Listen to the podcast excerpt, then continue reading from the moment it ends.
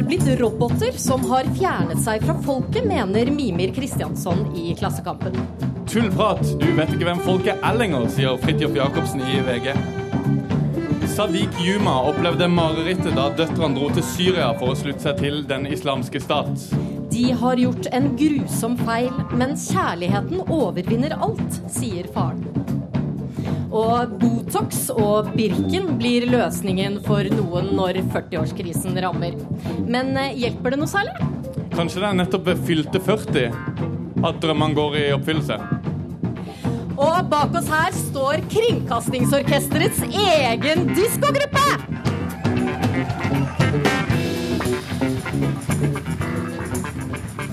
Vi skal spille variert musikk fra de fire siste tiår.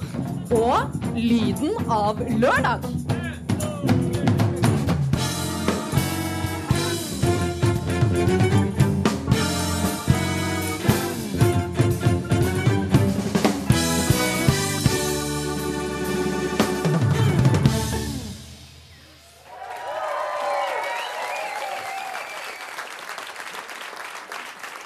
Velkommen til ukeslutt.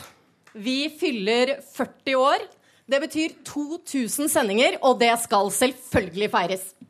Jeg heter Daniel Eriksen, Og jeg heter Åsa Vartdal. og vi er på Parkteatret i Oslo med publikum i salen. Kan vi få høre dere? Hvis du har lyst til å se oss i dag, du som er på radio, så kan du gå inn på nrk.no, for i dag er vi også et TV-program. Vi skal nå snakke med noen av dem som har eh, æren, eller kanskje skylden, for at Norge har blitt som det har blitt de siste 40 årene. Men først et lite tilbakeblikk. Dagsnytt redaksjons lørdagsmagasin. Tusen takk skal du ha. Det er veldig kult. Dette er sakene i denne utgaven. skal vi innom myggplagen, sykkelrittet Trondheim-Oslo og ferietrafikken som begynner for alvor denne helga. Men eh, før alt dette, Dagsnytt. Vi har fått en viktig melding. Kong Olav er død. Det er en eh, dårlig løsning. Prinsesse Diana av Wales døde i Paris i morges. Mr. Nelson Mandela, a free man. Eh, Terrorangrep mot World Trade Center. Etter 28 år bak piggtråd og en mur som har delt Berlin i to. Ja, Beklager, vi har litt tekniske problemer. Men vi skal konsentrere oss om eh, valget. Vi ønsker statsminister Kåre Willoch og Arbeiderpartiets leder Gro Harlem Brundtland velkommen i studio. Trenger vi kanskje et nytt slagord? Det er typisk norsk å være god. Ja, Jeg må få protestere igjen mot din fremstilling av min argumentasjon i valgkampen. Det er hovedsaken. Jeg synes det er. Dermed er vår tid ute. Vi sier takk til debattantene. Ja, hallo, jeg kom til Lars Bonheim. Ja, det. Har du noen gang røyka hasj? Jeg har ikke hatt muligheten. Strømmer gamle melodi. Må hun brenne i helvete og håper hun sover godt i julen. Våkner opp og spør meg hva som skjer. Politiet i Sverige har ennå ikke grepet mannen som drepte statsminister Olof Palme. Store styrker er med i letingen, og kontrollen ved alle grenseoverganger har vært skjerpet siden drapet skjedde. Jeg var i et miljø som, hvor det ble testa, og vi gikk utover grensa. Vi møttes i drømmene våre. La oss fortsette med å møtes i drømmene våre. Det som i dag synes helt klart, er at eh, flere sentrale arbeiderpartipolitikere allerede i 1979 var informert om at Arne Treholt kunne være sovjetisk spion. De fleste kjenner sikkert til at tusenårsskiftet også blir forbundet med det såkalte 2000-problemet. Det er ett år siden, eller var det denne uka, siden John Lennon ble skutt i New York. Kom tilbake, vær så snill. Hilsen Carl I. Hagen. Sent i går kveld så ble det kjent at den norske popgruppa a-ha nå har nådd førsteplass på hitlistene i USA. Veien er lang fra Vidar Lønn Arnesens Ti i skuddet til USA-toppen. Men i dag er a-ha på topp både i Karasjok, Oslo og i New York. Og i Sverige så er de på 48. plass. Og så skal vi over til det som har med sport å gjøre. Han blitt sammen! sammen! Det er så lett! Kjetil Rekdal fra Ja! Norge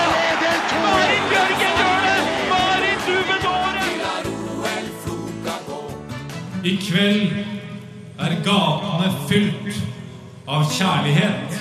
Mitt lille land. Det var nyhetssammendraget, og det var også ukeslutt denne lørdagen.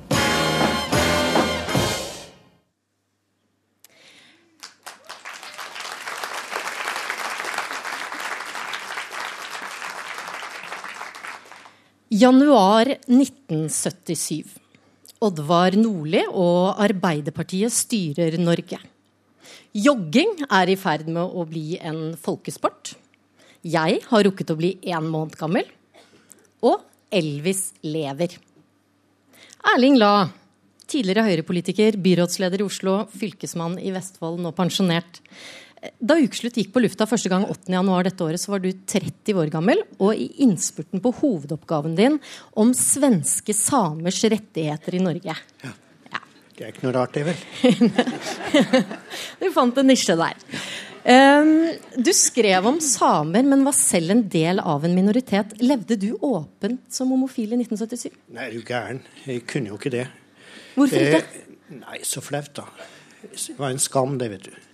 Men, men, jeg må innrømme det var da eh, jeg var litt sånn i oppvåkningen og begynte å, å sondere terrenget litt, på en måte. Eh, og det gjorde at eh, det som skjedde to år etterpå med Wenche Lovtsov, det betydde enormt. Men eh, Og jeg har liksom sett på det som noe veldig stort, fordi at det innledet også noen grunnleggende holdningsendringer i hele samfunnet, og et sett med verdier som vi nå løfter frem som spesielt verdifulle ved vårt samfunn. Men før jeg kom hit, så tok jeg for moro skyld så leste jeg hvem var hvor, det der 100-årsjubileet-greia, og så så jeg hva sto om det der. Ikke noe. Nei. Eh, og det viser også noe om hva er viktig for hvem. Ikke sant? Og eh, for noen av oss var det enormt viktig. Mm. Kristin Halvorsen, du, I 1977 så var du 17 år gammel og gikk på videregående skole i Skien. Eh, allerede da politisk aktiv og eh, med i anti-apartheid-arbeidet. Eh, hva mener du er den største omveltningen vi har hatt siden den gang? Hvis vi ser nasjonalt, så tror jeg noe av det vi snakka om nå, er en veldig stor omvendling. Husk på det var forbudt i Norge å være homofil eh, fram til 1972, altså fem år før ukeslutt begynte. Eh, å være lesbisk var ikke forbudt for kvinner og hadde ikke seksualitet på den tiden. så det ble oppfunnet etterpå.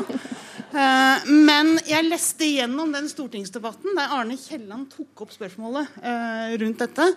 Uh, og han ble, fikk veldig mye skryt for han var så modig å ta opp noe som var så kontroversielt. Hvis vi skulle ta en annen revolusjon, så vil jeg jo si at kvinnenes eh, revolusjon, altså kvinnefrigjøringen og oppgjøret, har forandra livene våre. Hva var det som førte til eh, Nei, altså den, Husk på, i 1977 så var det ikke før i juli lønna svangerskapspermisjon i Norge. Du hadde rett til tre måneders permisjon, men uten lønn. Da ble det rett til 18, nei, tre, ja, 18 ukers uh, permisjon med lønn. Barnehagedekninga var på 7 eh, I dag er det over 90% av barn mellom eh, ett og fem år som går eh, i barnehagen. Og Hva har det betydd for kvinner? Det har betydd enormt. Det har betydd enormt for barndommen, for kvinners liv, for familiers liv. Vi tenker helt annerledes rundt dette. Mm. Abid Raja, du er jurist og stortingspolitiker for Venstre. I 1977 så var du litt over ett år gammel og holdt på å lære deg å gå i en leilighet i Iladalen her i Oslo. Eh, du er sønn av en av de første pakistanske arbeidsinnvandrerne som kom til Norge. Hvordan hadde en pakistansk familie det her i Norge i 1977? Ja, nei, det, det, var sikkert litt variert. Eh, eh, noen av de var vel også litt forvirret. Eh, og man var litt usikker på om man skulle bli i Norge eller ikke. Du må huske De fleste fremmedarbeiderne som kom da på starten av 70-tallet, hadde en plan i hodet å jobbe, samle sammen flest mulig penger, og så reise tilbake igjen. For man skulle ikke være her. Og eh, på 75, 76, 77 så begynte første barnekullene å komme fra jeg eh, skal ikke si vi ble fødemaskiner, men da poppet det ut unger. Eh, og Det er jo en naturlig del av livet. og Man var jo i den alderen disse fremmedarbeiderne som kom. Og så begynte man å tenke men hva skal vi gjøre nå? Og skal unga gjøre osv. Så, videre? så de var litt usikre på om man skulle bli i Norge eller ikke. Og fremdeles usikre på om, hva de skulle gjøre med barna som jo, jo ja, hadde blitt født på Ullevål. eller ja, De fleste var jo i Oslo, så de fleste var født rundt Ullevål sykehus. Tror du det var bedre å være en pakistansk familie i, i Norge den gangen enn, enn det er nå? Ja, jeg, jeg vil, jeg, Hvis du snakker med noen av mine øh, foreldre sine, fedre sine venner Min far snakker jo ikke om dette. Men de, de er, når, de har, når, de er, litt glade, i godt humør, så sier de at norske kvinner var veldig glad i å ta dem på håret og sånn. Så de tar jeg kristne på håret, da. For, for, å kjenne på hvordan det var. For det brune håret og litt sånn. Og det, det som er litt rart, er at det, det er ikke så ofte fremme disse tallene. Men det ble jo etter hvert en del barn ut av det å ta hverandre på håret. Uh, og Det mest kjente eksempelet er jo Rolf, eh, altså Imtiaz Rolfsen, altså som lager, uh, Ulrik Imtiaz Rolfsen som lager filmer. Men det er ganske mange barn av uh, pakistanske fremmedarbeidere med norske kvinner. Så i statistikken så er det nesten like mange som den ekte tredje generasjonen av de som er født etter, et, etter pakistanerne. Så det er en Ja, det, ble, det var mye kjærlighet. Jeg tror man er litt mer uglesett nå. Erling La, du sier at når jeg spør deg om du, du levde åpent som homofil, sier du nei, er du gæren? Eh, det er helt annerledes nå.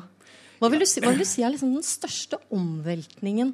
Altså, nå, er, nå, er, det jo nesten omvendt nå. Jeg, tror ikke folk er spesielt dåneferdige hvis de hører at en eller annen kjent person er homofil. Altså. Og, og, de siste 10-15 årene så har det jo ikke vært sånn. Eh, så eh, jeg pleide jo å spøke litt med da jeg var byrådsleder, at eh, det var tøffere å definere meg som kristen enn å definere meg som homofil. Eh, Iallfall her i Oslo. Så tror jeg ikke det er eh, sånn alle steder i alle miljøer i dette landet. Men, men det er noe med at eh, fordommer de forflytter seg jo hele tiden. Og det en skal lære, det er å se minoritetene uansett hvem de er. For det er jo det det egentlig dreier seg om. Hva er fordommer? Fordommer det er forutbestemte kollektive oppfatninger om det du ikke vet, og det du ikke kjenner. Abid Raja, føler du at nordmenn ser minoriteter for det de egentlig er? Nei, ikke alltid. Jeg tror, eh, jeg tror, den store migrasjonsstrømmen som har kommet Men pluss jeg vil også si altså, første generasjon av innvandrere som kom, var arbeidere. De jobbet hardt på, på, på gulvet. De var fabrikkarbeidere. Mange av de hadde tre jobber osv. Veldig lite kriminalitet. Veldig lite islamisme. Og så kom eh, liksom, generasjonen etterpå, så fikk du A-gjengen og B-gjengen, og, og, så har du fått eh, disse radikaliserte profetens Umma osv. Så, videre. så bildet har endret seg litt. Men det er klart, altså, hvis man skal bringe de to debattene som mine side med, med kvinner snakker om, så er det, det er jo fremdeles mye likestillingskamp som står inn i innvandrermiljøet. Altså, norske kvinner har jeg vil si, er jo det mest likestilt i verden. Men det gjelder ikke innvandrerkvinner med, med ulike bakgrunner. Og når det gjelder seksuelle, minoriteter, jo, det å være norsk og homofil for å sette, altså Etnisk norsk, så det, det sjokkerer ikke noen at du kommer ut av skapet eller sier det. Men hvis du er muslim for eksempel, og vil eh, opptre som muslim, eller, si at du uh, eller at du er uh, homofil, det er fremdeles veldig tabubelagt. Så det er klart det er en del kamper igjen å ta. Eh, også er det noe med den inkluderingen i storsamfunnet. og Vi vet fra statistikken, det er jo gjort mange undersøkelser på dette, at har du etnisk norsk navn, så er det enklere å komme på jobbintervju. Har du et typisk innvandrernavn, så, du, så er det signifikant dårligere stilt til å komme til jobbintervju. Og Da er det en, en, en skjult diskriminering også i samfunnet. Kristin Halvorsen, burde dere ha tatt kampen for innvandrerkvinnene også den gangen? Jo, men mange kamper må man ta sjøl. Og så må man få støtte av dem rundt. Det tror jeg er veldig, veldig viktig egentlig for den frigjøringa som har vært både når det gjelder på homofile, at vi er mer fargeblinde eh, enn før. Vi lever i et mye bedre samfunn nå enn vi gjorde for, for 40 år siden. Det er et mye mer tolerant samfunn. Eh, det er et samfunn med mye større grad av fargeblindhet, der man tross alt, selv om, det, selv om vi har mye igjen, eh, blir vurdert som et eh, individ. Nå jobber jeg innenfor forskning. altså Det er et internasjonalt uh, arbeidsmarked, og det er det på veldig mange andre områder også. Men Abid Raja, er du enig i det? Er vi ja, blitt mer fargeblinde? Jeg er litt usikker. Altså, jeg, jeg, jeg, er ganske sikker på at heller ikke pappaen på Sunnmøre blir veldig fornøyd når, når, Linda, den blonde datteren, tar med seg Ali Mustafa fra Somalia hjem. Men heller ikke foreldrene til Ali Mustafa blir like fornøyde når han tar med seg Linda hjem. Så det er, det er, det er en sammensatt utfordring. Men jeg tror det, hvis jeg, skal, jeg skal ikke legge skylda på førstegenerasjons politikere her på min side. Jeg vil si jeg er sånn 2-0, så jeg sånn, bringer dette litt videre. multikulti. Men, men, men altså, de førstegenerasjons politikere, når innvandrerne har kommet til Europa, ikke bare Norge, over hele Europa, de har snakket om fire ting når det gjelder integrering. Språk, utdanning, arbeid og lovlydighet. Og Har du innafor de fire kategoriene, så er du integrert. Men jeg mener det er bare inngangsbilletten, og det meste av det gjør du for deg sjøl. Men integreringsdebatten i dag bør stå på de verdiene som bygges rundt fellesskapet. og Det er, det er ytringsfrihet, det er likestilling, det handler om religionsfrihet, synet på demokrati, seksuelle minoriteter osv. Den debatten tror jeg vi med hell kunne ha tatt for 25-30 år siden også. La. Og det gjorde vi ikke. Nei, men jeg, jeg syns det blir litt urettferdig å kritisere eh, oss eller andre for 25 år siden fordi de to, ikke tok de debattene de da ikke hadde forutsetning for å ta. Eh, det er noe med at nå vet vi en del ting vi ikke visste da. Radikal is islamisme det var ikke noe begrep det for 25 år siden. Det var noe vi forbandt med Iran. Eh, og nå har det kommet mye nærmere oss. Eh, og da er det vi ser at vi må tenke gjennom kampen for de gode verdiene på en annen måte enn før. Eh, så var det norske samfunnet kommet mye kortere på en del områder for 25 år siden enn nå. Eh, og Hvilke områder da, tenker du på? Ja, blant annet ja, kvinners likestilling, synet på minoriteter. Eh, vi hadde et veldig unyansert syn på en innvandrer, f.eks. Vi ser hvor mye mer sammensatt det er. Eh, og så har de liberale verdiene på en måte gått mye lenger enn før eh, i, i, eh, i det norske samfunnet. Så eh, nå må vi til utgangspunkt i hvordan samfunnet er nå, og hvilke kjøreregler vi må ha i samfunnet i dag. Også for det som skjedde for 25 år siden, det var 25 år siden, eller 20 år siden. Og det var i en tid hvor vi skrev på skrivemaskin med kulehode og rettetast, og det var noe annet enn nå. Halvorsen er Ja, eh, Raja etterpå, etterpåklok her. Ja, jeg, jeg syns jo at vi veldig ofte mimrer uh, mye om hvor bra ting var før, og det var det ikke. Det var helt feil. Altså Husk på ting som, som vi nå oppfatter som selvfølgeligheter, var ekstremt kontroversielt. De damene som sloss for barnehageplasser i, for 40 år siden, de ble spytta på. De ble kalt dårlige mødre. De, de ble fortalt 'se og kom deg hjem igjen og vask huset', sånn som andre skikkelige damer gjør. Eh, Og det er 40 år siden. Og man tenker liksom ja, da var barna sammen med mor. De var ikke sammen med mor. Mor var inne og vaska og gnikka og gnudde på noe som var reint fra før. Og unga satt på trappa. Ja, det var meningsløst. De satt på trappa, i hvert fall eh, har jeg eksempler fra det fra når jeg vokste opp. Satt på trappa fordi de ikke fikk lov å komme inn, fordi nå var det så nyvaska der. Så det skulle de ikke ha noe av. Det, det, var, det var dagmammaer mange ganger som tok seg av disse barna som ikke var i, i barnehagen. Og jeg hadde jo, jeg også, mange historier om småbarnsmødre som kom hjem. Da sitter uh, dagmammaen i din egen slåbrok i sofaen og røyker og spiser potetgull mens unga krabber rundt med våte bleier. Dette var ikke noe å mimre om. Eh, det var også tøffere i forhold til i, i forhold til hvordan eh, folk som kom fra andre steder enn Norge i utgangspunktet ble behandla. Mine unger har en fargeblindhet som går langt utover det jeg sjøl har. Og det er mange problemstillinger som vi er opptatt av, som, som det er- de bare Det er veldig bra. Jeg, min, min unge altså, hun var fire da Maja kom fra barnehagen og strakk frem hånda. Det var etter påsken, for da hadde noen andre norske barn vært på påskefjellet og blitt brune. Og det hadde de sagt til Maja. Se, Maja, nå er vi like brune. Og da så kom Maja hjem. Pappa, se, jeg er brun! Jeg vil ikke være brun! Så det er noe med det gå Men, men jeg, jeg kan gi mine sidepartnere rett i noe, og det er når jeg var ung, så var det ikke mange på skolen som hadde trua på at vi skulle klare å bli noe. På, og det var, fordi, det var ikke fordi de var rasister, men det var fordi at man ikke hadde hatt innvandrere før. Men nå eh, så ser vi at det er eh, minoriteter i alle typer yrker. Og før så kunne en måte min sidemann sin eh, tidligere ordfører, altså Ditlev Simonsen, han, han løfta jo fram innvandrere og sa sånn, uten innvandrere stopper Oslo. Og da tenkte han først og fremst på bussjåfører og taxisjåfører. Men i dag så må man, ny ordfører måtte si noe annet, for at nå tar du sannsynligvis drosje med en pakistaner eller somalier, men legen du skal til, eller Nav-kontoret du skal på, mest sannsynlig har også legen på det kontoret altså med brun hudfarge. Så utviklingen har skjedd i positiv retning, men jeg tror vi har fått litt mer diskriminering på en annen måte, men det kan man del si også er selvforskyldt. Erling helt Kan kort jeg til ta. To, Helt to kort eksempler på det Kristin Halvorsen sier. Eh, Jeg, var, jeg kan jo si det nå. Jeg, eller jeg var rådgiver i, i Willoch-regjeringen. Der var det, vi, vi laget en familiemelding.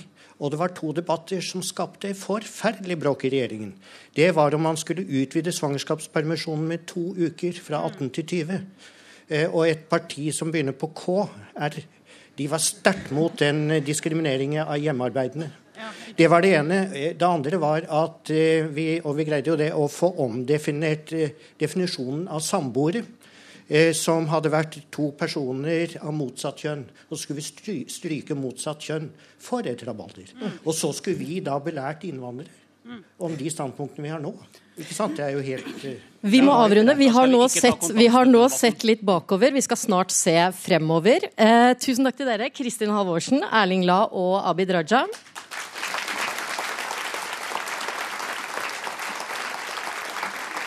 Musikalsk så er vi nå over i 80-tallet, og den mest solgte platen noensinne, faktisk. Det er Michael Jackson med 'Thriller'.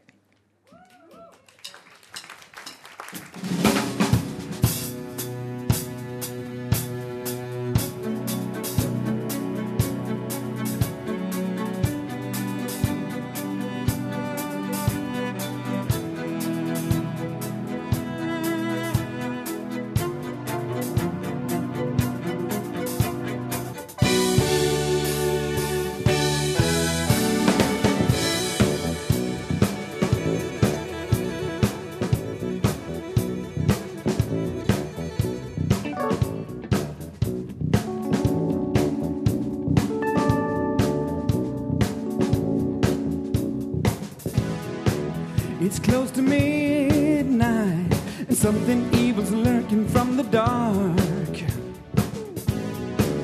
Under the moonlight, you see a sight that almost stops your heart.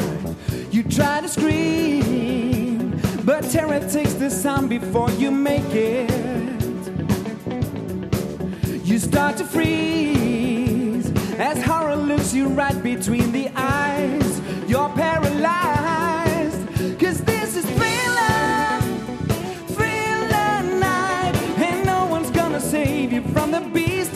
About to strike. You know it's thriller,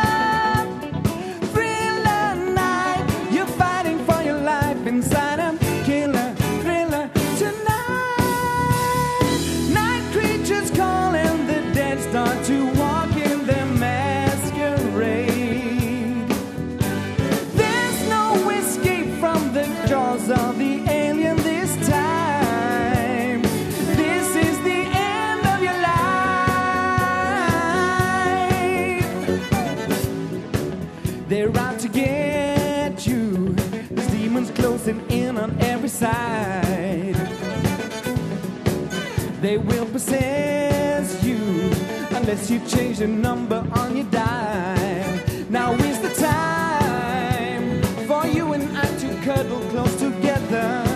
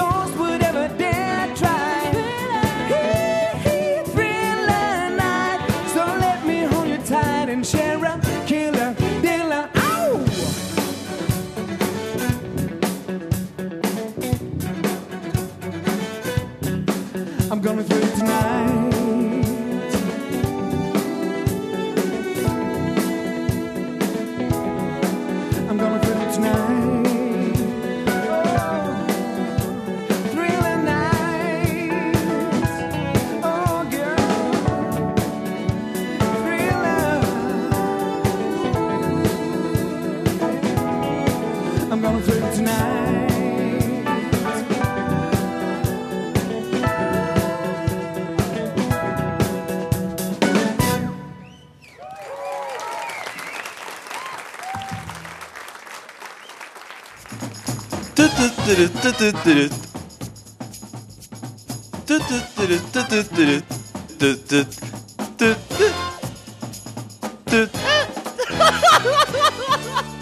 sann, hoppsann. Jeg heter Jørgen Foss, tidligere leder i Landsforeningen for overvektige, arbeiderpartipolitiker, korpsentusiast. Gratulerer så mye med 40 år på lufta. Det er bare helt fantastisk.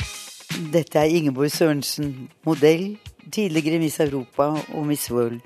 For meg er ukeslutt den beste grunn til å sette på radioen. Gratulerer, ukeslutt, from the bottom of my heart. I love you. Dette er Petter Bøckmann, zoolog ved Naturhistorisk museum. Ukeslutt er litt som vannhølet på savannen. Det er stedet der alle dyra henger på ettermiddagen. Vi er litt avhengig av å høre hva som foregår blant kreti og pleti. Hvis ikke så er det ikke noe gøy å være flokkdyr.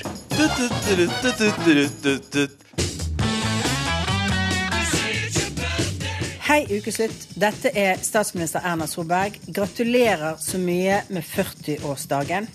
Dere var banebrytende når dere startet. eh, Og nå er det viktig i 40-årsalderen da å finne ut hva deres 40-årskrise er. Om dere da blir eh, enda mer banebrytende fremover. Gratulerer så mye. Alle vil vi gratulere. Joho! Dette er Hilde Skovdal, mest kjent som Charter-Hilde. Jeg har jo vært hos dere en del ganger og debattert. Jeg har både vært hissig, jeg har vært engasjert, jeg har fått latterkramper, og jeg har møtt utrolig mange deilige mennesker. Dere, jeg ønsker dere alt godt, og måtte det bli 40 nye år. Kjære ukeslutt, dette er Arbeiderpartileder Jonas Gahr Støre. Jeg var 16 år da ukeslutt kom på lufta. Det husker jeg. Det var et fast innslag på lørdagene. Det er fortsatt et veldig spennende, underholdende og interessant innslag i dag. Gratulerer med de neste 40.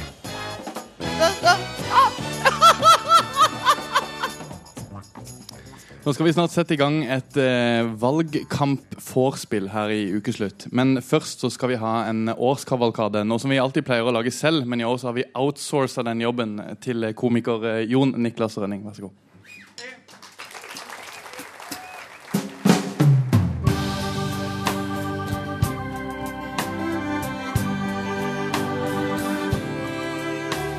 Nå er det på tide å se litt tilbake. Det er sånt noe man gjør når et år er på hell.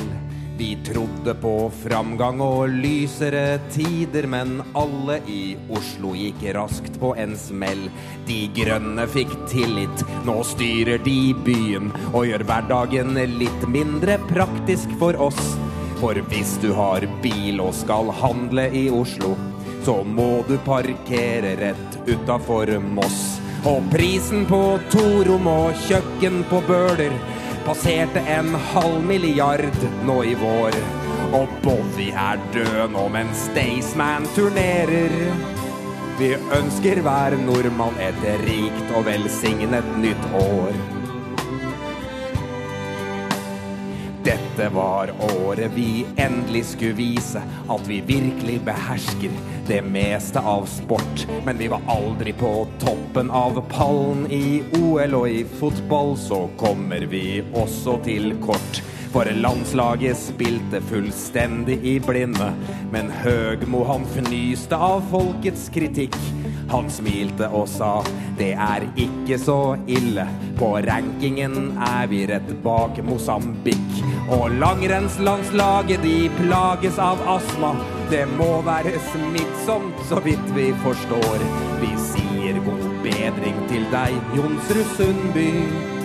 Og ønsker deg enda et rikt og velsignet nytt år. I kongefamilien ble alt snudd på hodet da Märtha Louise kastet Ari på dør. Så han må på fylla og sjekke opp damer.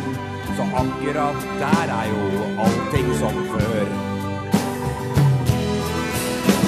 Vi husker at skisporten lærte en lekse. Send aldri noen andre og kjøp medisin. For det endte med kaos da legen til Johaug tok feil av Lypsyl og Trofodermin. Vi husker en krangel mellom Listhaug og Joner, og vi husker at Putin gjorde verden mer skremt. Det er mye vi husker ifra 2016.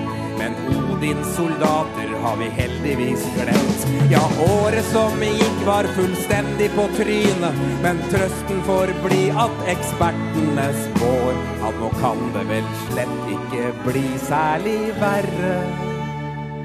Vi ønsker hver nordmann et rikt og velsignet nytt år.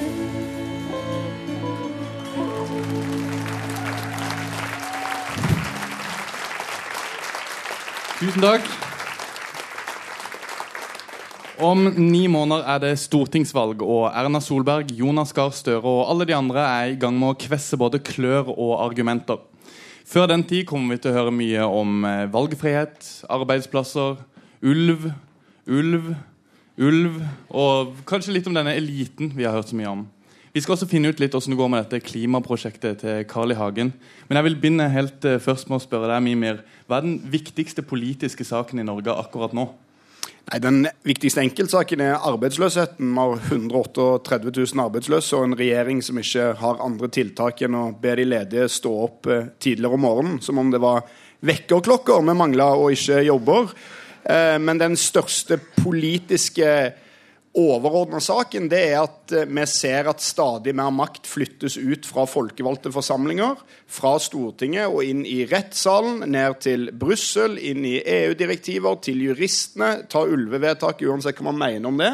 Da er det altså sånn at Et råd fra noen jurister i noe som kalles Lovavdelingen, og en konvensjon i en by som heter Bern, som jeg, jeg aldri hadde hørt om før, det skal overstyre flertallet på det norske Stortinget sitt vedtak. Og Sånn har politikerne abdisert på punkt etter punkt. og det vil si at Politikken på Stortinget får stadig mindre å si, og det er problematisk, for dermed får også valgene mindre å si. Så jeg ønsker meg at vi får en valgkamp med politikere som vil noe med Norge, og som er i stand til å gjennomføre det, til tross for at enkelte byråkrater syns at det er en uheldig løsning. Eli Hagen, eh, jeg vil gjerne spørre deg, Nå har vi fått den viktigste politiske saken i Norge. men Hvordan vurderer du norske politikere i dag? Hva syns du om de? Først vil jeg si at jeg representerer ikke noe parti. Jeg er ikke politiker. Jeg er, bare Er helt sikker? jeg er helt sikker. Jeg er bare tilfeldigvis gift med en som jeg trodde var avdanka, men som aldri gir seg. Så det jeg vil si, er at uh, han har et poeng. Jeg har Ja. vært i Stortinget som papi papirslave siden 1981. Hørte på masse debatter. Vi hadde masse fargerike personer, som Kristin Halvorsen f.eks. Vi hadde Hanna Kvanmo, vi hadde min ektemann f.eks. Masse fargeklatter som fikk temperaturen, interessen for politikken i Norge opp. I dag er det altså en sovepute. Du orker jo nesten ikke høre på debatter. Og det er akkurat det samme som da jeg begynte på Stortinget i 81. De har ikke kommet et skritt lenger. Altså Vi diskuterer helsekøer, vi har problemer overalt. Hvorfor kan ikke rike Norge bruke en del penger på vår egen befolkning? Og så vil jeg si én ting om ulven. Enhver en ulv. ulv er god når, man er, når han er død. Det var litt Vi av hopper, vi hopper lekent over til eh, tidligere ukeslutt-programleder og eh, kommentator i VG, Fridtjof Jacobsen. Nå får vi høre noe som litt sånn sjeldent Eli Hagen og Mimir Kristiansson er enige om at politikere i dag er litt kjedelige og ikke vil noe. Hva syns du om det? Du skal jo lage politikk folkelig. Eh, nei, nei, Jeg er sju år eldre enn ukeslutt, og det smerter meg mer og mer å si det for hvert år, men ingenting var bedre før. Eh, sånn er det. Eh, og jeg syns denne forestillingen om at eh, politikken er abdisert og på vei ut av menneskers liv Hvis det hadde vært sant, så hadde det vært veldig farlig, men jeg tror ikke den er det. valgdeltakelsen i dag i stortingsvalg er, har ikke vært så høy siden 1989.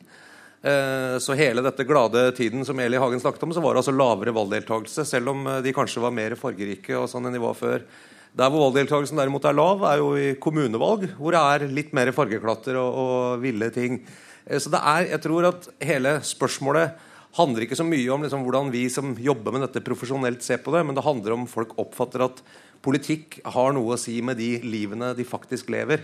Eh, og hvis man skal liksom påberope seg å vite noe om det brede lag av norske befolkning, hvordan de lever, så kan man jo se på hvilke partier de stemmer på. Det er stort sett de trauste, litt kjedelige partiene i midten. Det er sånn de liker politikken sin. Mime, du skal få svare på det.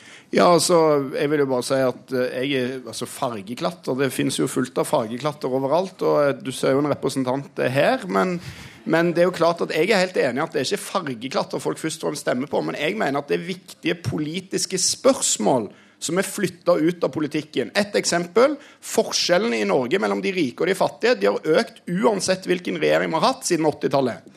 Da kan vi enten anta at alle i Norge, eller i hvert fall flertallet, syns det er bra at forskjellen mellom de rike og fattige øker, men det vet vi at det ikke stemmer, for vi får måling på måling som sier det motsatte. Eller vi kan anta at politikken ikke lenger er i stand til å styre forskjellsutviklingen i Norge. Og hvis så er tilfellet, så har vi et politisk problem, for det betyr at det ikke lenger er mulig å styre hvordan forskjellsutviklingen i Norge er ved å gå og stemme. Og dette er jo ikke bare noe jeg har funnet på, eller andre fargeklatter, som du nevner.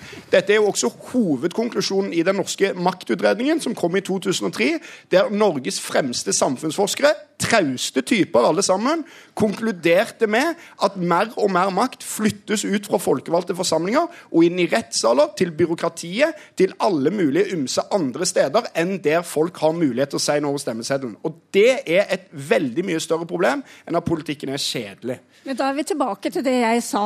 at i 1981 så hadde vi helsedebatter, vi hadde lange køer, og det var ingen mulighet til å liksom få løst disse problemene. Vi har jo samme problemene i dag, der er jeg enig med Mimmi. Og jeg må jo si det at når vi er blitt så rike Vi var ikke så rike på 80-tallet, men nå er vi blitt så rike. Hvorfor kan ikke norske politikere altså, løse en del av problemene til norske befolkning? Du, du mener problemet er at vi har problemer? Vi har, ja, Problemet er at vi har Ja. problemer. Du kan jo se deg rundt. altså Pasienter får ikke kreftbehandling, de får ikke kreftmedisin. For vi har ikke råd til medisin. Det er én ting. altså Masse sånne småting som vi har penger til å løse.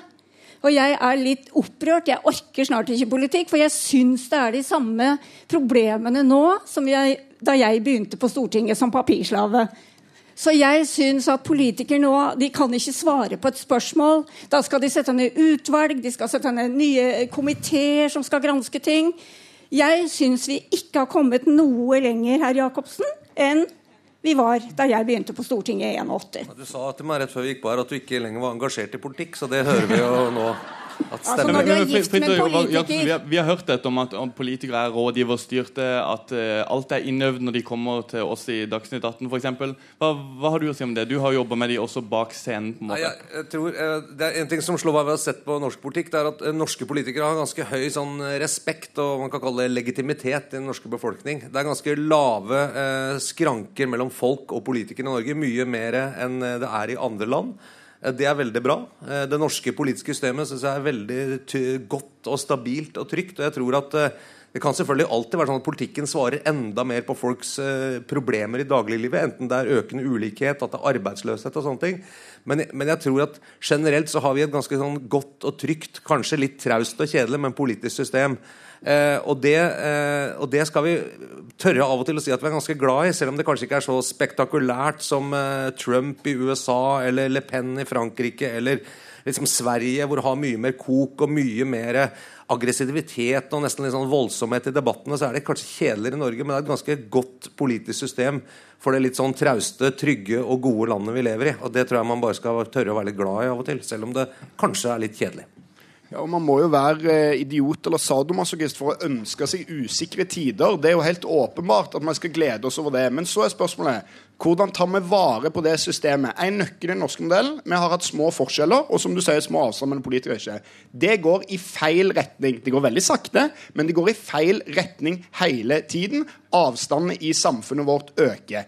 Og da er spørsmålet bekjemper vi den utviklingen ved å bare si vi minner oss på at vi er mye bedre enn nabolandene, vi er mye bedre enn USA, vi er mye bedre enn Frankrike, England osv. Eller skal vi gå inn og prøve å ta noen grep om det? Og som sagt så er mitt store, mitt store innvending i norsk politikk det er at du har en del ting som skjer ubønnhørlig uansett hvilken regjering som styrer. Og det er det som truer den norske modellen. Det er ikke populister som spretter fram alltid når folk snakker om populister, så tror de alltid at det er sånn, det er bare å gå ut på gata og rope at du skal dele ut oljefondet til folk på gata, så kommer de og stemmer på deg. Sånn er det ikke. For at sånne bevegelser skal få framvekst, så må politikerne ha feila og levere svar på noe. I Norge har de vært gode til det, men hvis avstanden bare øker og øker og øker, da kan vi få sånne problemer i Norge. Og det er jo det jeg vil forhindre ved å mene at politikerne i folkevalgte bør ta styringen tilbake. Jeg merker jeg får litt sånn flashback til da jeg så deg som ungdomspolitiker. Veldig engasjert og alt mulig. Men jeg vil gjerne snakke litt om den valgkampen som kommer nå. Hvilke saker blir store i den valgkampen? Eh, Eli, hva tror du? Jeg håper at det blir en valgkamp som dreier seg om eh, folks hverdag. At eh, norske politikere tar Norge på alvor, eller norske befolkning på alvor. Altså, Jeg syns de er altfor mye opptatt av å være verdensmestere i utlandet. Og jeg syns at de skal prøve å være verdensmestere i Norge. Løs eh, Norges problemer, sånn som Mimmi sier. Prøv å få gjort noe med arbeidsledighetene. Få bort helsekøene. Bygg nye veier. Bruk penger på norske befolkning. Nå får jo regjeringen kjeft for det de bruker for mye penger. Ok, bruk det på den norske befolkning. Da tror jeg at det blir interesse blant folk eh, for valgkamp. Jeg tror ikke folk er så interessert i alt som skjer i utlandet, og at vi skal være verdensmestere i utlandet. Vil du lyst til å svare på det? Ja, jeg skulle gjerne hatt en, en eh, regjering som brukte mer penger på den norske befolkning, men da må du definere den norske befolkning som større enn 250 milliardærer som bor på Oslo øst, nei, Oslo vest, liksom. Så, så poenget bare er at jeg mener Hvis du ser på arbeidsløsheten òg, det gjør denne regjeringen ingenting med. Jeg tror at de store spørsmålene i denne valgkampen Det avhenger selvfølgelig om det kommer en ny flyktningstrøm, som selvfølgelig ville vært en enorm sak. Men hvis ikke, så tror jeg arbeidsplasser og jeg tror skattepolitikk kommer til å være de dominerende. Og så ser vi et distriktsopprør i emning i Norge. Det handler ikke bare om ulv, det handler om eh, kommunereform, det handler om regionreform, det handler om politireform. Eh, og det vil òg påvirke, og sannsynligvis også gjøre at Senterpartiet gjør et veldig bra valg. Da. Helt avslutningsvis, for vi har ikke altfor mye tid igjen her. Fridtjof Jacobsen, hvem tror du blir statsminister i Norge? Ja, det Etter Trump så er det ingen av oss som tør å spå noe som helst. Men eh, Du kan jeg, si Eli jeg blir ikke overraska om eh, KrF kan eh, kanskje Det kan godt hende at, vi, at det merkelig nok kan bli sånn et parti med kanskje sånn 4-5% avslutning, eller oppslutning er de som faktisk i realiteten avgjør hvem som blir statsminister i Norge, nemlig Kristelig Folkeparti. Og Så får man jo diskutere om, eh, om det er bra eller dårlig for demokratiet, men eh, jeg tror det fort kan ende sånn. Jeg tror det, det kommer til å bli ganske jevnt, hvertfall. hvert. Det tror jeg. Takk for at dere kunne komme, Mimir Kristiansson fra Klassekampen, Eli Hagen og Fridtjof Jacobsen fra VG.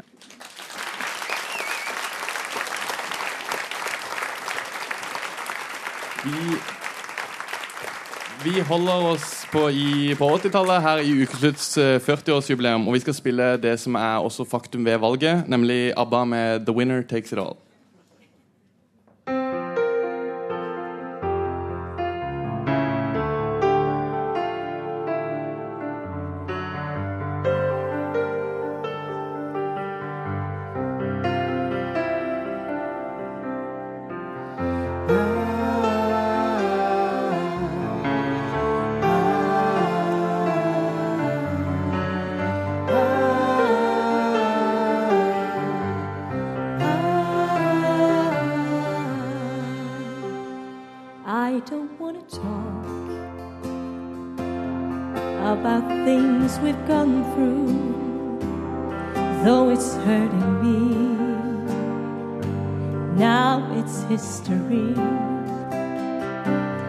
I played all my cards, and that's what you've done too.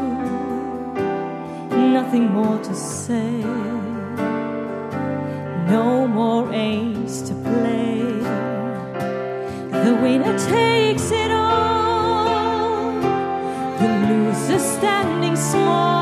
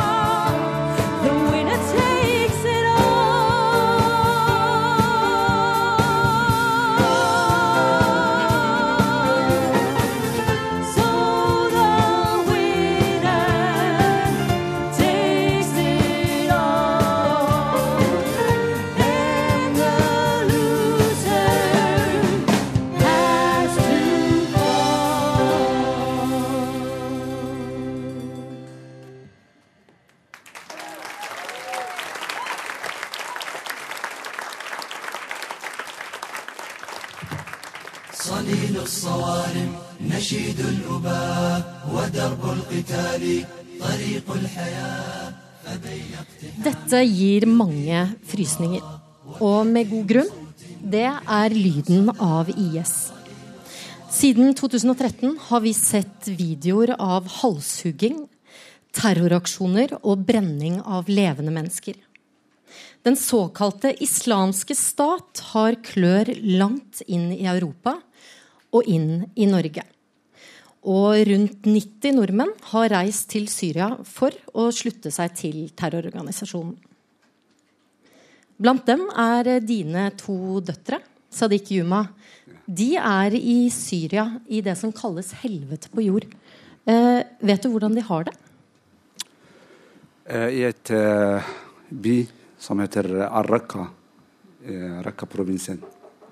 Men jeg vet ikke hvor eh, eksakt hvor de befinner seg. Når snakket du med dem sist? Eh, siste Eid al-Adha i august, og de ringte til kona mi, ikke, ikke meg. Og, og de sa at de bare lever. Sa de noe om hvordan de lever? Nei. Eh, Men de, de fleste kjemper jo nå for å komme seg ut av Syria. Og så velger altså dine døtre å dra inn for å hjelpe IS. Hvordan kunne det skje? Eh, problemet er eh, når eh, en ung gutt eller en ung jente blir fullstendig gjenvasket. Det er en situasjon. Men når man reiser til Syria, det er helt annerledes. Jeg reiste dit, og jeg opplevde kroppen min hva, hva, hva, hva slags helvete er der. Så det er noen som uh, våkner opp uh, fra jernvasking. Men uh, å komme seg ut er ikke bare bare. Det er en veikjøring, så det er ikke lett å komme seg ut. Spesielt når man eh, en, en, en ung jente eller en eh, For gutter kanskje, ja. Eh, selv om det er ikke lett. Men det er veldig vanskelig å komme seg ut. Men en ting er å komme ut, men hvorfor i all verden reiste de inn?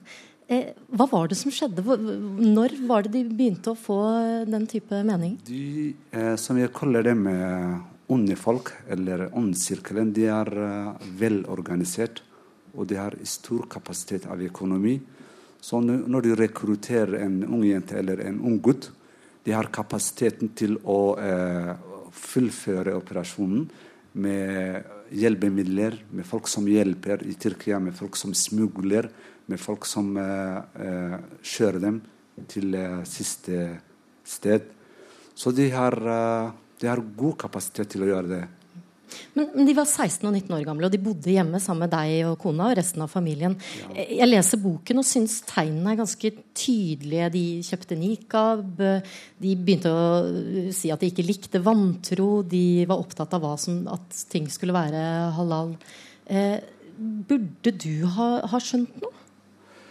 Eh, jeg og familien min eh, vi har gjort eh, vår best. Og vi oppdaget eh, forandring i våre eh, jenter. Og, eh, men vi fant ikke eksakt hva de holder på med. Eh, spesielt eh, jeg, som sa ikke, jeg var eh, den første som ble sjokkert da de reiste. Fordi jeg trodde at jeg var det nærmeste mennesket til hjertet deres. Og jeg var veldig glad i dem. Og de var veldig glad i meg. Og vi hadde veldig nær kontakt. Eh, men eh, Men da de begynte å gå med nikab, ja, syns ja. du det var greit? Ikke bare nikab, ikke bare nikab men det var eh, flere andre ting som, som dukket opp. Eh, å være nøye med halal og haram. Eh, og så eh, isolasjon fra venner og fra familien. Eh, også at de mistet lysten til å studere, spesielt hun yngste datteren min. Og mistet lysten til å jobbe. For når, når, jeg er ikke psykolog, men når man blir eh, fullstendig hjemvasket, Man blir bare godt forberedt til å, bli, til å dø. Så du mister lysen til eh, vanlig liv som vi, som vi kjenner. Men prøvde du å snakke med dem? Ja, jeg har gjort. Og eh, jeg spurte kona mi også å spørre dem.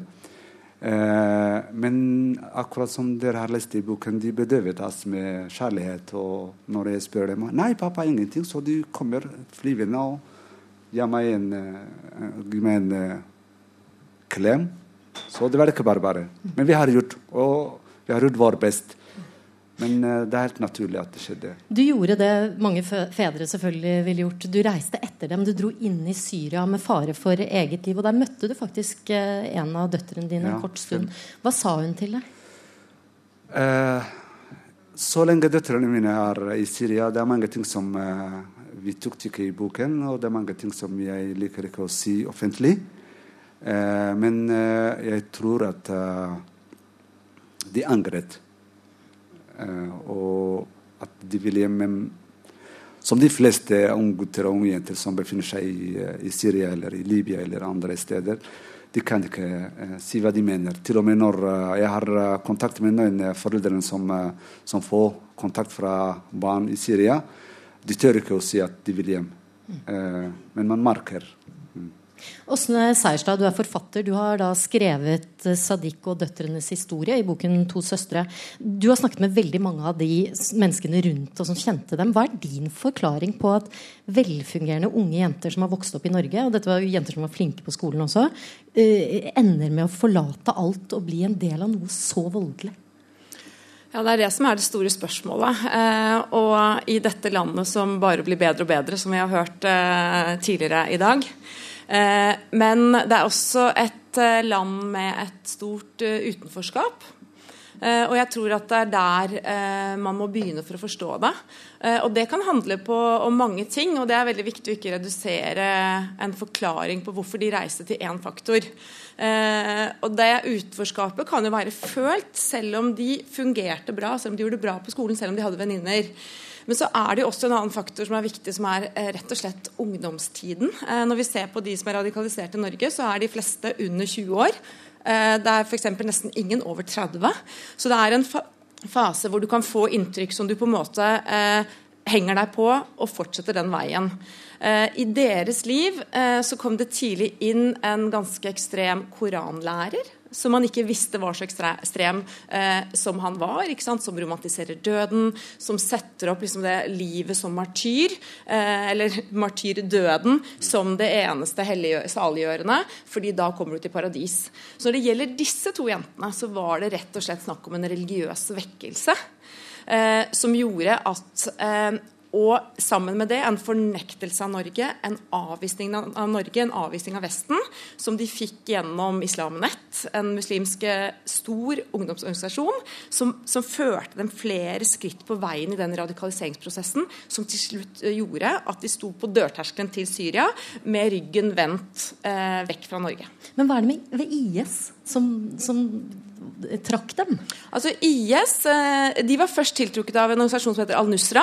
IS eh, ble jo skapt etter at de kom til Syria. Eh, Og det er litt viktig at en radikaliseringsprosess som deres også kan være et, et søker etter mening. Søken etter identitet, et opprør. ikke sant? Et opprør også mot foreldre. Et opprør mot Norge, et opprør mot skolen, et opprør mot oss alle, som det, som det majoritetssamfunnet som, som Norge er. Eh, og at det er viktig for å forstå hvert fall disse to jentene. De tror når de drar til Syria, at de skal starte en perfekt stat. Her skal det være rettferdig. Her skal det være alle skal få det de fortjener. Eh, her, er måte, her gjelder Guds regler, og ingenting er bedre enn det. Eh, og at de tror de gjør det gode. Og når, sånn som din eldste datter, hvordan hun forsøker å få med seg sine venninner. Fordi snart vil alle komme til å reise til Syria, for det er Syria som kommer til å lede verden. Og det er også derfor mange som har spurt meg men hvordan kunne hun ta med seg lillesøsteren sin, som var liksom akkurat fylt 16 år. Jo, fordi hun trodde at dette var det beste hun kunne gjøre for lillesøsteren sin. eh, Og også det beste hun kunne gjøre for dere som foreldre. Som hun sier, vi er kanskje ikke gode døtre i dette livet, men tenk så gode døtre vi er for dere i det neste, for vi hjelper deres vei inn i paradis. Så for dem handler det om en religiøs vekkelse. For mange av guttene, som tross alt er de fleste, 17% fra Europa er jenter, en veldig stor andel, aldri vært så mange før, men de fleste er gutter. De har en helt annen profil. De fleste 60-70% har et rulleblad, de er ungdomskriminelle, bakgrunn i rus, eh, utenforskap i mye større grad, eh, omsorgssvikt. Eh, ingen har en tilknytning, fast tilknytning til arbeidslivet eller utdanning. Det er den jevne profilen av de som befolker fremmedkrigerne i IS. De trodde de gjorde det rette. Petter Nesser, terrorforsker ved Forsvarets forskningsinstitutt. Hvor typisk er denne historien til Sadiqs døtre? Altså Den eh, typiske europeiske IS-rekrutt eh, er jo, som Åsne var inne på, eh, en mann med, ofte med kriminell bakgrunn.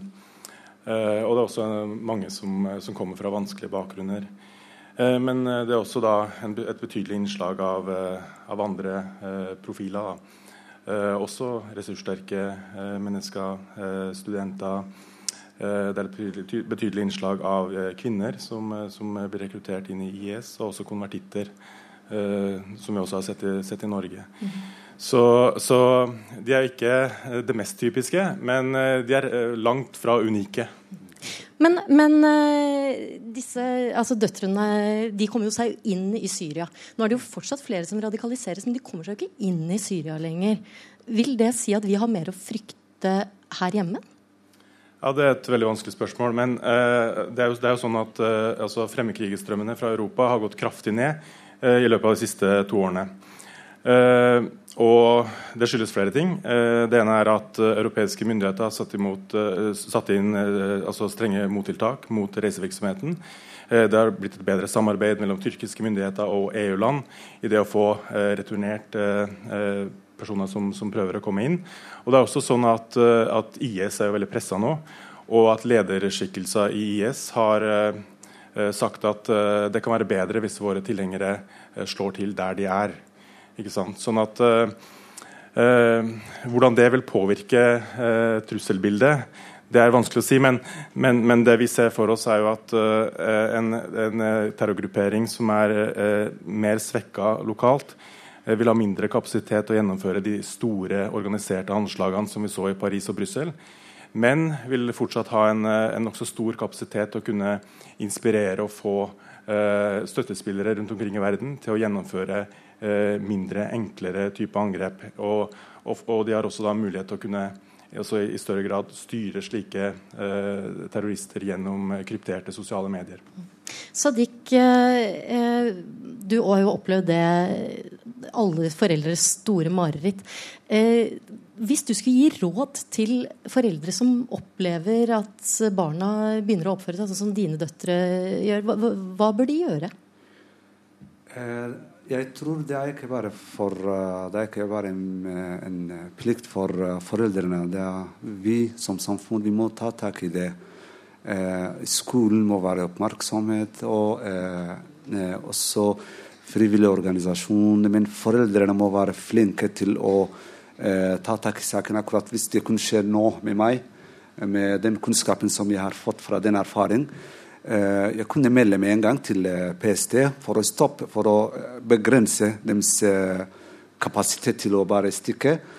Og jeg foreslår til foreldrene som har Jeg opplevde selv her i Norge, her i Oslo, at jeg møter unge gutter, nesten ti, som var veldig nær til å reise. Og det har vært gjennom mødre. Jeg er en del av en frivillig organisasjon som heter Info 123. Så vi arrangerte seminarer Eh, som, eh, som, vi plukket opp eh, noen mødre som bekymrer for sine unge gutter og unge jenter. Så jeg møtte ungguttene og ungjentene. Så jeg merket at de er veldig nær til å, til å bli rekruttert. Mm.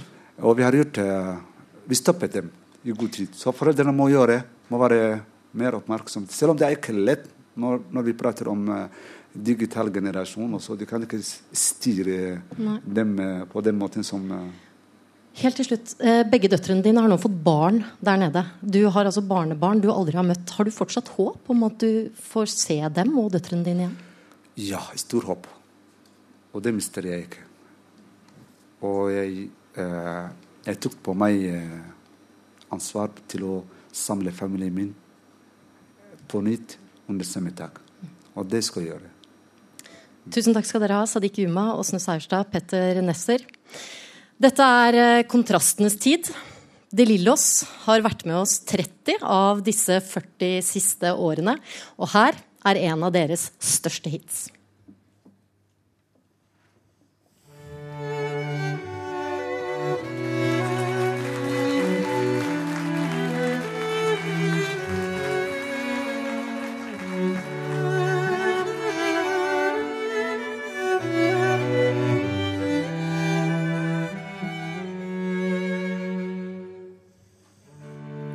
Det var en gang en sommer i 1993. Hvor alt var så behagelig, og verden var diskré. Om dagen kunne man lese langsomt i en bok. Om kvelden satt vi rundt et bord.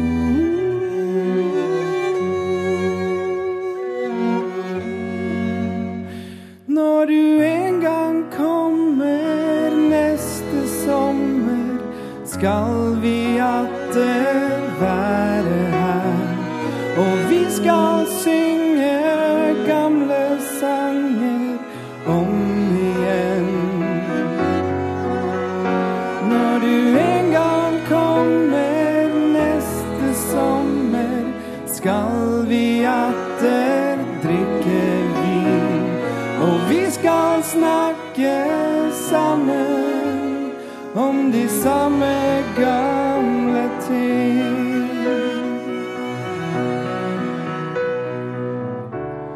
Det var en gang en sommer i 1993 Hvor verden lå ufarlig langs Norges kyst et sted. På radioen var det et program om sommermat vi lett ned og tok et bad.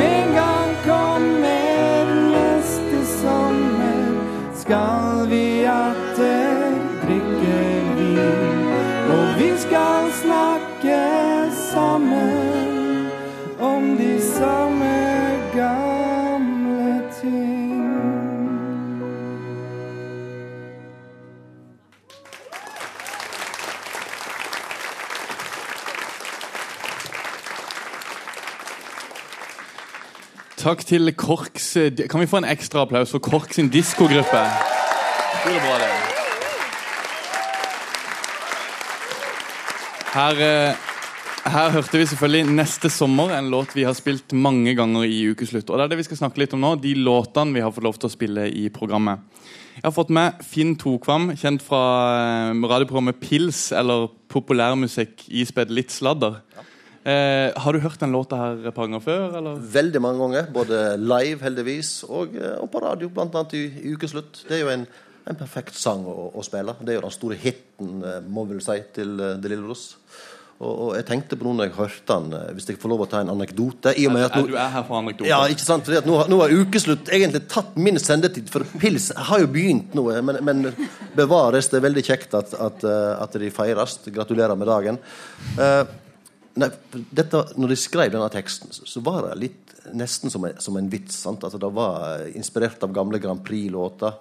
Eh, og, og eh, Likevel så klarte ikke Lars Lillo Stenberg helt å holde seg. Så han hadde det, denne linja som går eh, når du en gang kommer neste sommer. Og, og det at vi skal høre på radio, et program om sommermat. Egentlig så, så hadde han linja et program om blind vold. var den opprinnelige linja. Men så var det produsent Kuri Fritzen her som sa vet du hva, vær så snill, for en gangs skyld, kan ikke du bare ha det helt fint? Og, og, og, da, tror, og da klarte han å få til. Jeg tror kanskje ikke vi hadde spilt den låta i dag her heller, hvis det hadde hatt å handle om blind vold. Men eh, vi har fått med også Mona B. Riise, som bl.a. står for min musikkutdannelse gjennom Lydverket. Eh, og nå skal være programleder for Spellemann. Det må vi gi henne en applaus for. Jeg vil gjerne få lov til å spørre deg, Hvilke musikalske øyeblikk har beveget deg mest de siste 40 årene? 40 år med grining nå, eller? Ja, 40 år med grining. Nei, det er jo veldig mange. Altså, musikk eh, bringer jo følelser, altså, forsterker alle typer følelser. Eh, og er på en måte en sånn livsgivende kraft. Jeg hørte nettopp at banjoen den kom til den kom til USA fra Afrika fordi at de fant ut at, at banjoen gjorde at det var flere som overlevde på slaveskipet. Så Derfor så var det banjospillende eh, musikere på veien over. Og Det er jo helt forferdelig, men det er det musikk gjør. Og I år så var jeg og hørte Brian Wilson, eh, Pet Sounds. Og det er noe med den altså, på 60-tallet, og han prøvde liksom å fange kjærligheten i musikk. Og så har han jo ikke den stemmen han en gang hadde, eh, men det er en annen kvalitet der, så da var jeg selvfølgelig knust og rørt. Altså, det var veldig fint. Men, men vi må snakke litt om de låtene vi har, vi har fått eh, KORK til å spille i dag òg. 'The Winner Takes It All', ABBA, den lå på toppen av listene ganske lenge. Kan du fortelle litt om den låta? Hvilken Ja. type låt er det? Altså, Den låten er jo i hvert fall for et radioprogram den mest misbrukte, fordi at den blir ofte brukt eh, som apropos-musikk, som vi er flinke til i radio. Eh, og, og da handler det om f.eks., som vi snakket om her i, i dag, med, med valg og valgets vinnere. For egentlig så handler det ikke om det i det hele tatt. Det er jo en sang om skilsmisse. Eh, Veldig sørgelig. ja, ikke sant? ABBA gikk jo på den smellen som alle skal passe seg for. De blanda seksualliv og samspill. Eh, De, Fleetwood Mac-smellen, rett og slett. ja, ja, rett og slett. Verre enn nesten. Og, og, og når det da gikk gale, så satt jo da Bjørn seg ned og skrev denne teksten her. eh, om at ikke det finnes vinnere i, i en skilsmisse. Og, og så fikk han da ekskona til å synge den inn. Eh, han prøvde å synge den sjøl først, men, men det ble enda sterkere når hun sang den. Og egentlig så mener jeg den sangen opprinnelig heter 'The Story of My Life'. Så, så, det- så det har ingenting med, med vinner sånn sett å gjøre. Men, da hadde det blitt elendig apropos-musikk. det har blitt det, og, og det, det er mange sånne apropos-musikker som er veldig elendig. Hvis vi hopper videre til Vi har også hørt uh, 'Thriller' med Michael Jackson her i dag. Hvilket forhold har du til Michael Jackson og den låta der? Altså, Jeg fikk jo ikke lov til å se den videoen. Altså, Det var jo en skrekkfilm. Ja, den lange 15 Den var minutter Ja, fordi Michael Jackson han ringte jo John Landis, som hadde lagd The Werewolf in New York. Som, eh, hvor han ble veldig inspirert. Han ringte han to om natten og bare 'Kan ikke du gjøre noe sånn med meg?' Så fikk han med da sminkøren Rick Baker, og, og de lagde dette her. Og med den dansen altså Det var helt altså Når neglene kom ut, det var altså de derre vær, vet dere, følehornene. Altså Det var altså så skummelt og så fengende fin musikk på en gang. Og det var egentlig ikke en skummel sang. Den het egentlig 'Starlight', 'Starlight Sun'. Før. Og det er liksom ikke like kult som 'Thriller', men så gjorde de den om til 'Thriller Night' istedenfor 'Starlight Sun'. Var det ikke sånn? Jo, og så er det en veldig fin link her til, til ukeslutt. Fordi han som var produsent for, for Thriller-albumet, Quincy Jones, eh, han har jo òg vært med å skape Ukeslutt sin Ja, kjenningslåt. jeg, jeg ba deg se litt på hvor den her jinglen vår, eller kjenningsmelodien vår, eh, kommer fra. Kan du få si litt om den? Ja, Den kom ut på et album i 73, eh, og låten heter Chump Change. Og eh, det, det, det er jo den beste. Altså, Det tror jeg publikum mener. Og det er den beste radiovignetten som finnes. Altså. Det, og det var Jeg må bare si at det var den jeg òg brukte jeg brukte den som mal når jeg sjøl skulle finne vignettmusikk til pils. Eh, og jeg, jeg, jeg nådde ikke opp, så jeg hadde bare den nest tøffeste med, med Beastie Boys. For eh, der, der vinner de. Altså. Det er så fengende flott. Ja, det er helt var, jeg, jeg fikk oppleve å høre den live her med Korket der, og det går gjennom kroppen. Men eh, vi, vi må gå til, til litt eh, musikk som er litt i dagen nå. Eh, vi skal også få høre Umbrella med Rihanna. Kan, kan du si litt om hva, hva hun har gjort på, i popmusikken de siste 15 årene? Ja, altså Hun kom jo da fra Barbados, Barbados som vi sier. Eh, og, eh, og gjorde liksom eh, Hun ble oppdaget på to, tidlig 2000-tallet, og så signa Jay-Z henne etter hun hadde hatt et par låter. Og så er hun blitt altså, en av de mestselgende artistene i historien. Altså Hun har solgt mer enn både Stones og ABBA. Og denne Umbrella den kom jo i, i 2007, så det er tiårsjubileum i år. Og den, altså det, Jeg tror den var på førsteplass på 14, eh, 14 lister eller noe sånt, rundt, altså 14 land. Og i England så lå den sammenhengende i ti uker, og det var om sommeren. Og så er det jo sånn at den sier liksom um, It's gonna rain more than ever. You Can Stand Under My Umbrella. Og det var sammenfallende med et helt sånn vanvittig uvær. Altså Det pøsa ned i England. Så de prøvde jo å få den av listene og av radioen, fordi at de trodde det var en sammenheng mellom det. Og det var ikke bare i England. altså The Sun lagde sånn kampanje for at de skulle spille eh, solskinnsfylte musikkstykker i stedet. Og så var det altså det var også på New Zealand. Der var det tornadoer og, og, og helt liksom håpløst vær. Og det samme også da i Romania, som hadde hatt den tørreste sommeren eh, siden 40-tallet. Men når den låta 'Umbrella' kom på, så hølja det ned. Og ble en grusom sommer. Men eh, hver gang den da begynte å dale på listene, så ble det litt bedre vær. Men eh, kan vi ikke teste det her? Eh, vi kan ikke få høre låta. Uansett, Tusen takk for at dere kom, Mona Berise, musikkjournalist og programleder for Spellemann, og Finn Tokvam fra populærmusikk ispedd litt sladder. Vi hører 'Umbrella' med Rihanna.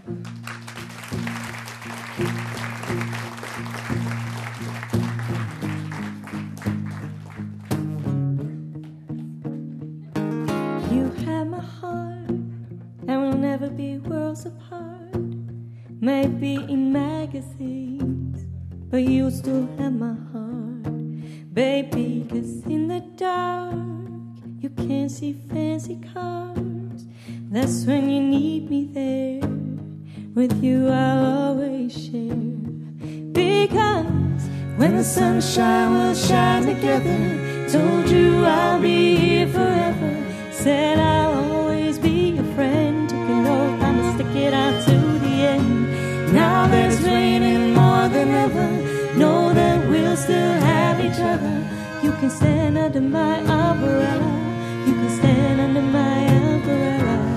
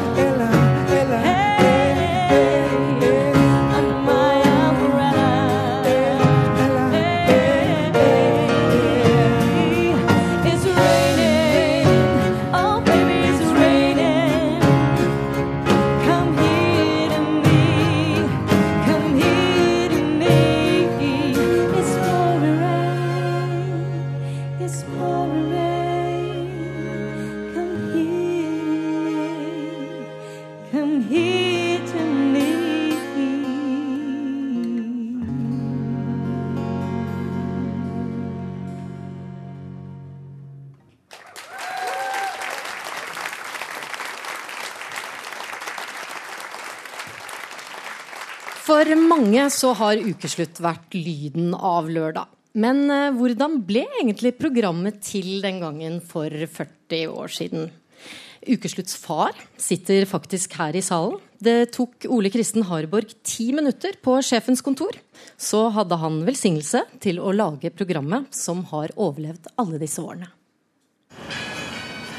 Å, det er, eh, det er jo den derre musikkquizen, er det ikke det? Sånt nyhetsprogram på TV? Nei, det er Dagsrevyen. Nei, ni. Det er en av Er disse her eh, formiddagsprogrammene på radioen. Ja, Reiseradioen. Det er starten på Reiseradioen. Nei, Nitimen. Dagsnytt var her borte.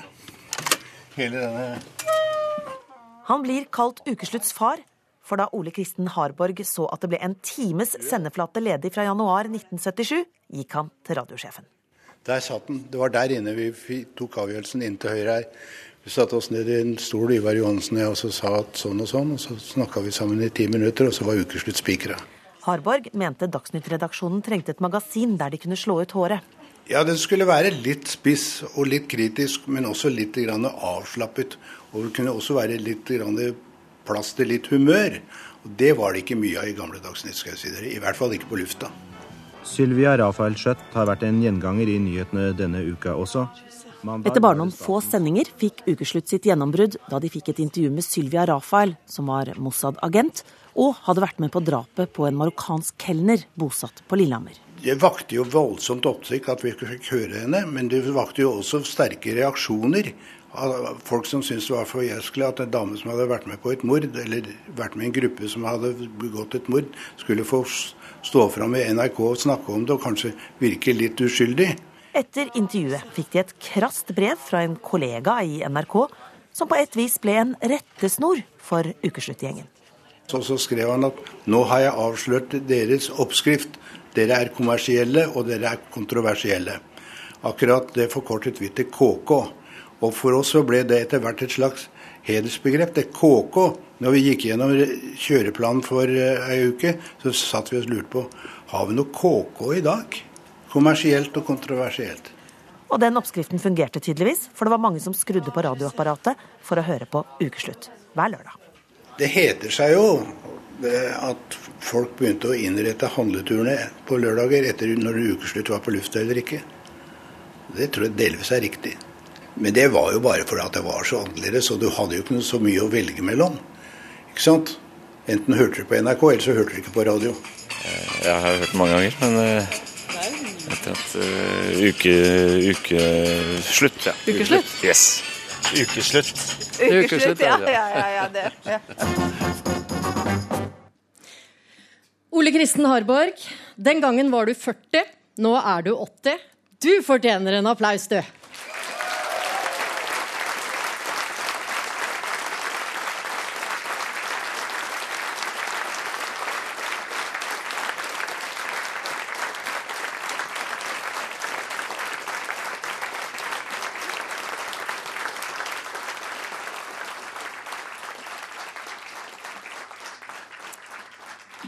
Og så, da.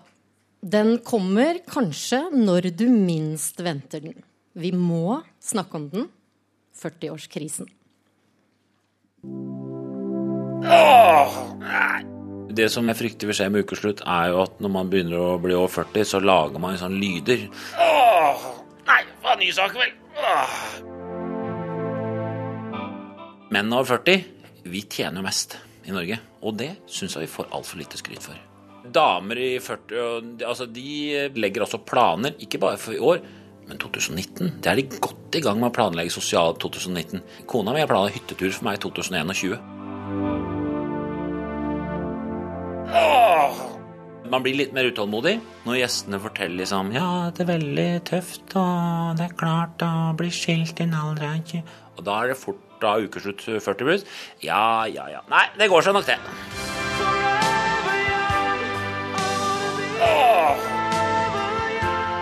Det blir ikke, det blir ikke noe nachspiel, nei. Nei, det nei, Altså, alle er hjemme til Kveldsnytt. Det er garantert at dere er hjemme til Kveldsnytt, for hva skal jeg være ute for nå?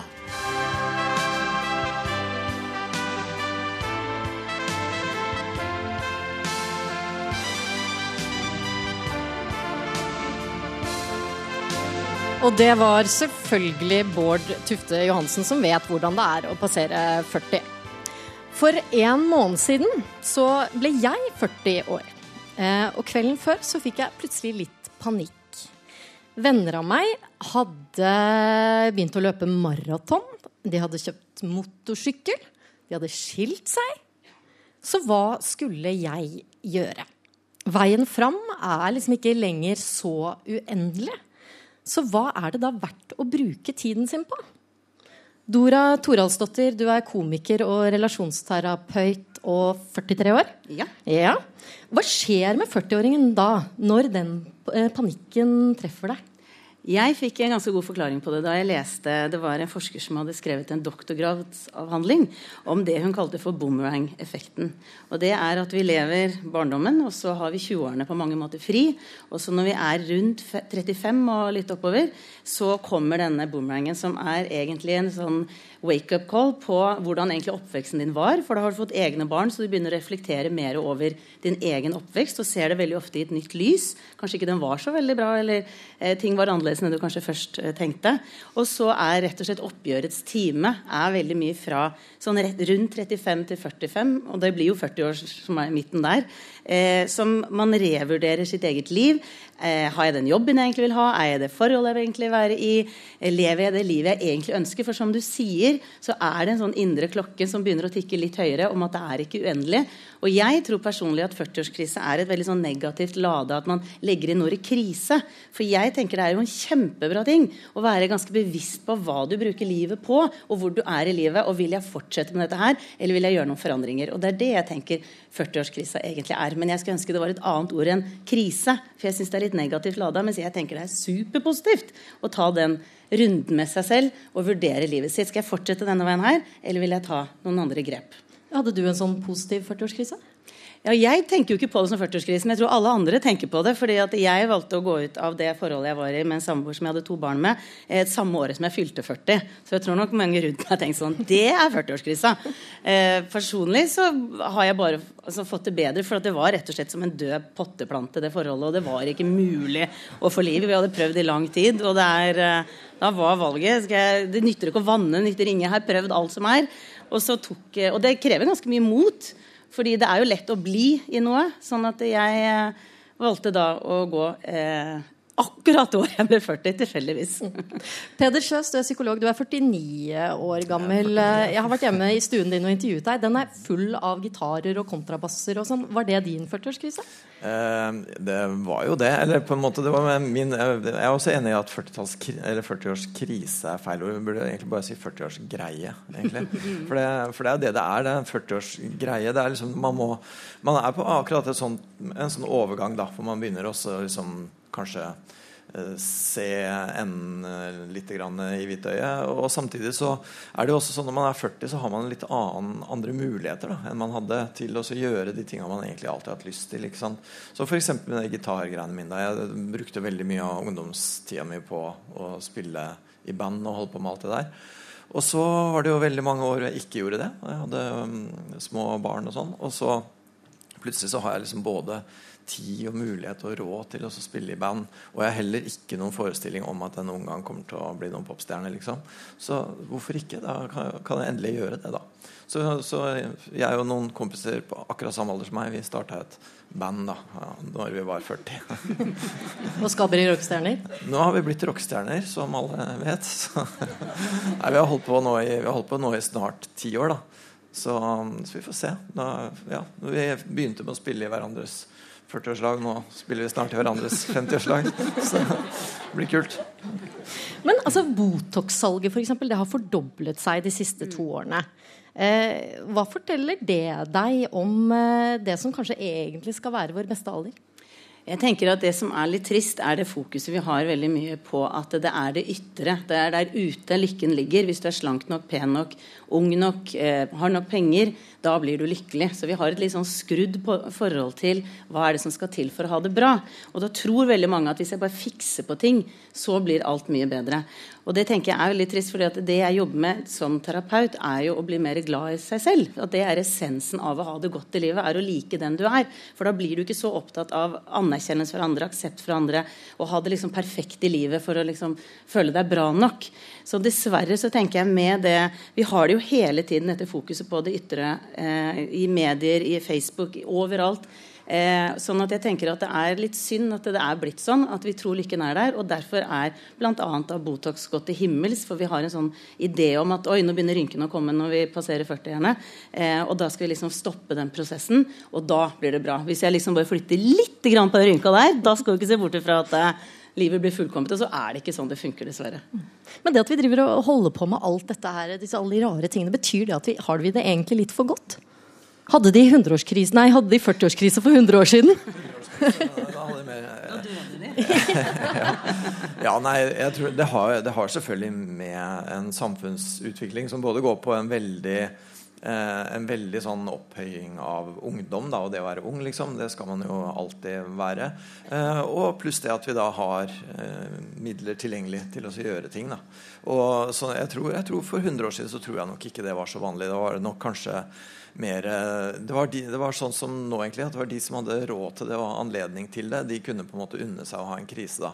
Men for andre folk så var det å jobbe og holde på og fø opp disse ungene og få den her gården til å gå, eller hva det var nå var. da. Og at, at man liksom var i en sånn type liv som eh, var, var mer gitt hva skulle være. da. Mens nå i vår tid så former vi jo livet vårt mye mer sjøl. Vi har mye mer anledning til det.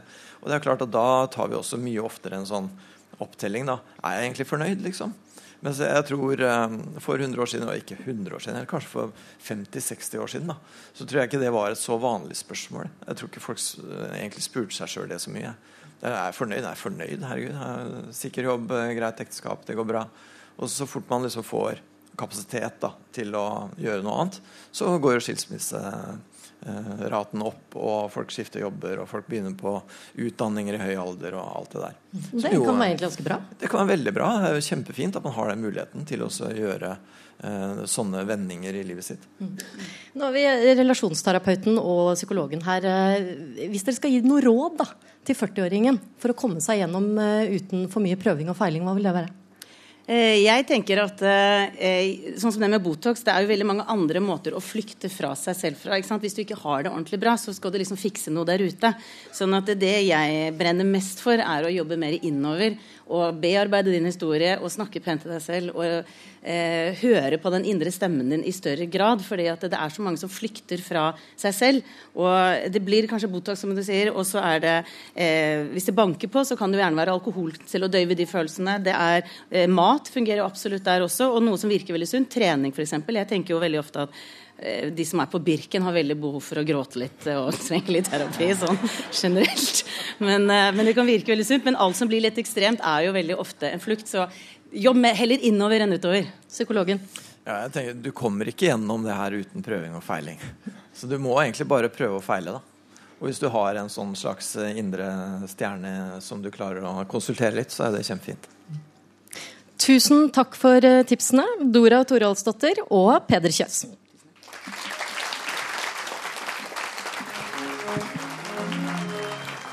Lyd?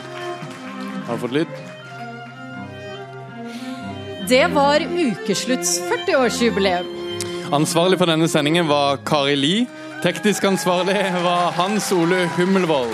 Jeg heter Åsa Vartdal, Og mitt navn er Daniel Eriksen.